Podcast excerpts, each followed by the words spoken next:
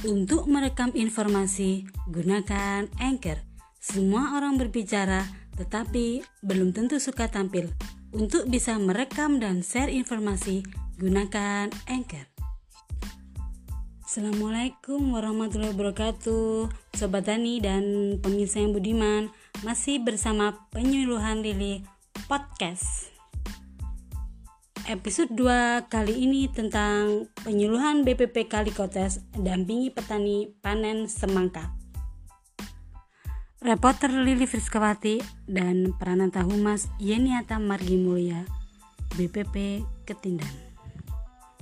Salah satu program utama Kementerian Pertanian adalah mendorong gerakan produksi, daya saing dan ramah lingkungan hortikultura atau dikenal dengan gedor horti Penyuluh Pertanian Lapangan di Balai Penyuluhan Pertanian Kalikotes merupakan salah satu BPP yang tergolong inovatif dan inspiratif di Kabupaten Klaten, Provinsi Jawa Tengah, yang tidak pernah lelah dalam mendampingi petani dalam rangka peningkatan produksi dan produktivitas. Hal ini ditentukan dibuktikan ketika produksi hasil pertanian naik sudah barang tentu pendapatan atau kesejahteraan petani akan meningkat. Petani di Kecamatan Kalikotes mempunyai pola tanam yaitu padi, padi, polowijo. Adapun pada saat tanam polowijo, petani juga menanam hortikultura. Salah satu komoditas hortikultura yang dibudidayakan oleh petani di Kecamatan Kalikotes yaitu semangka. Terhitung sampai bulan September 2020 di Kecamatan Kalikotes budidaya semangka mencapai 4 hektar. Tugiman Koordinator BPP Kalikotes menyampaikan bahwa tanaman semangka menghasilkan buah yang dapat langsung dikonsumsi tanpa harus dimasak. Selain bergizi tinggi, rasanya juga manis dan buah ini juga mengandung banyak air sehingga sangat menyergakan apabila dimakan pada saat siang hari. Menanam semangka sebenarnya tidaklah sulit. Tanaman ini dapat tumbuh dengan maksimal pada daerah yang kering jadi sangat cocok untuk ditanam pada saat musim kemarau saat ini. Tukas Yohana, salah satu PPL BPP Kalikotes yang turut mendampingi petani dalam berusaha taninya. Semangka memiliki daun berlekuk-lekuk di tepinya, bunganya sempurna, berwarna kuning kecil, diameter 3 cm.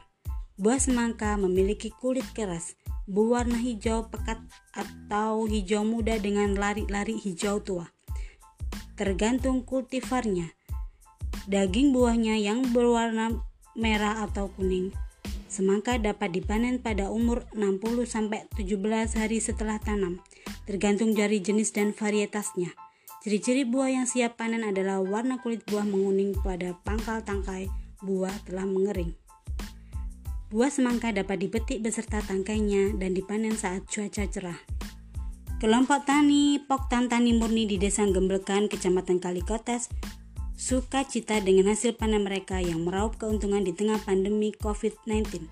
Rata-rata produktivitas 20 ton per hektar dengan harga rata-rata 2.500 sampai 3.750 rupiah. Kita harus memastikan ketersediaan pangan di seluruh tanah air. Baik ketersediaan pangan di seluruh tanah air, baik ketersediaan pangan maupun ketersediaan akses untuk mendapatkannya.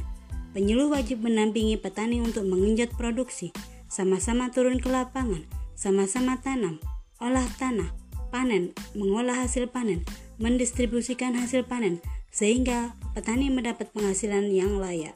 Tegas Menteri Pertanian Sahrul Yasin Limpo.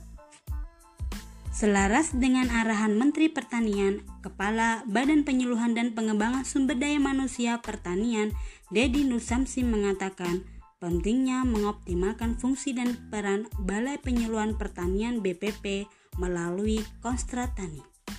BPP berfungsi pusat pembelajaran untuk penyuluh dan petani, pusat gerakan pembangunan pertanian, pusat konsultasi agribisnis, dan pusat pengembangan jejaring kemitraan dan tentunya menjadi center of excellence semua aktivitas pertanian. Demikian episode 2 kali ini di penyuluhan Prilly Podcast. Nantikan episode-episode selanjutnya. Terima kasih, semoga bermanfaat.